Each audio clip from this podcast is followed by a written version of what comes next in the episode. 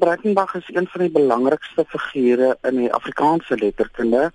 Dink 'n mens kan dit reg ook sê in die wêreldletterkunde waar hy gerespekteer word as 'n tekende denker, 'n invloedryke denker en fantastiese kunstenaar. Al daardie goed, die politiek, die filosofie, die skryfkuns, dis alles kunstenaarskap, dis alles verwant met mekaar.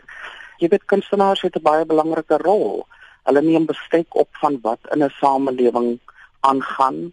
Hulle neem morele verantwoordelikheid as het wagters van die morele opset binne 'n samelewing en skrywers het 'n baie belangrike funksie om om te sien na die menslike kondisie. Gister was die reaksie na aanleiding van Auntie Krog se politieke uitsprake die afgelope naweek dat sy moet almal by haar skryfwerk bepaal.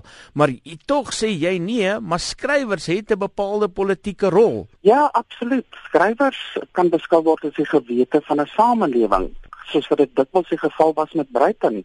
Ek sal nooit vergeet sy rapportprys toespraak in 1986 hoe veel reaksie dit uitgelok het nie maar dit is baie belangrik. Mense gaan altyd terug na wat skrywers deur die jare gesê het en hulle kom dan by oorwaarhede uit. Breite se toesprake word van 1968 af tot 2015 gebundel. Is oor 'n periode van 5 dekades wat daar 'n keer van sy toesprake saamgestel is. Wat sê dit van so 'n mens? Dit wys vir jou dat daar 'n persoon 'n uh, unieke talent het en van die begin af grensverskuivend was in die letterkunde maar ook op ons sosiaal-politieke vlak. Het hy die bestaande orde uitgedaag, hy het mense gedwing om verder te dink as wat die maghebbers wou hê mense moes dink. Parool, Parool wat in Oktober verwag word, bied 'n keer van sy grootste en aangrypendste toesprake, sê Meiburg. Die skrywer en akademikus Ampikotse sê hy sien met afwagting uit na die bundel wat volgens hom beslis 'n politieke impak sal hê.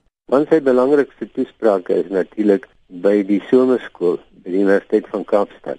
Die naam daarvan is 'n blik van buite. En ek dink dit pas pragtig in die titel van Parool in, want daarna het hy natuurlik nie lank daarna sy gevangenis geneem.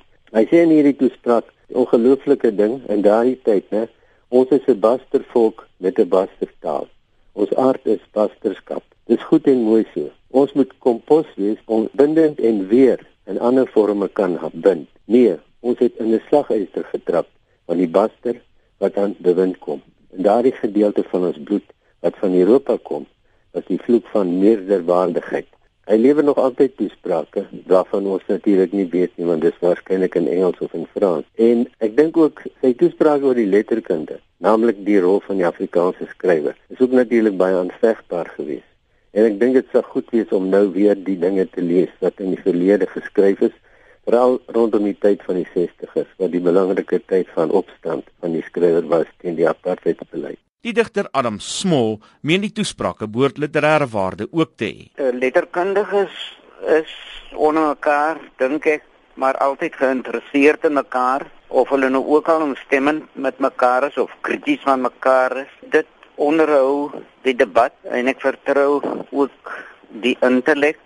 Ek praat nou van van Wyk Lou se oop gesprek. Vir my gaan alles oor intellek en die ware intellektueel is altyd verdraagsaam en loop nie nors met hangskouers rond nie. Watter politieke belang het so 'n bundel toespraak van iemand soos Breiten Breitenberg? Ek dink dit is baie belangrik dat die politici ook daarom iets van ons kan leer en met wat van Wyk Lou genoem het hoë waardes skouers skuur. En soms is ons politieke waardes maar baie baie vlak. Breitenberg is ook om kommentaar genader, maar hy het dit skriftelik van die hand gewys. Hy reageer so: "Dankie vir die vraag, maar dis nog hopeloos te vroeg. Die boek verskyn eers Oktober en buitendien, alles wat gesê kan word volgens beperkte insigte is in die boek. So dis selfverklarend. Ander mense moet maar lees en kommentaar lewer." Ek is Isak Du Plessis.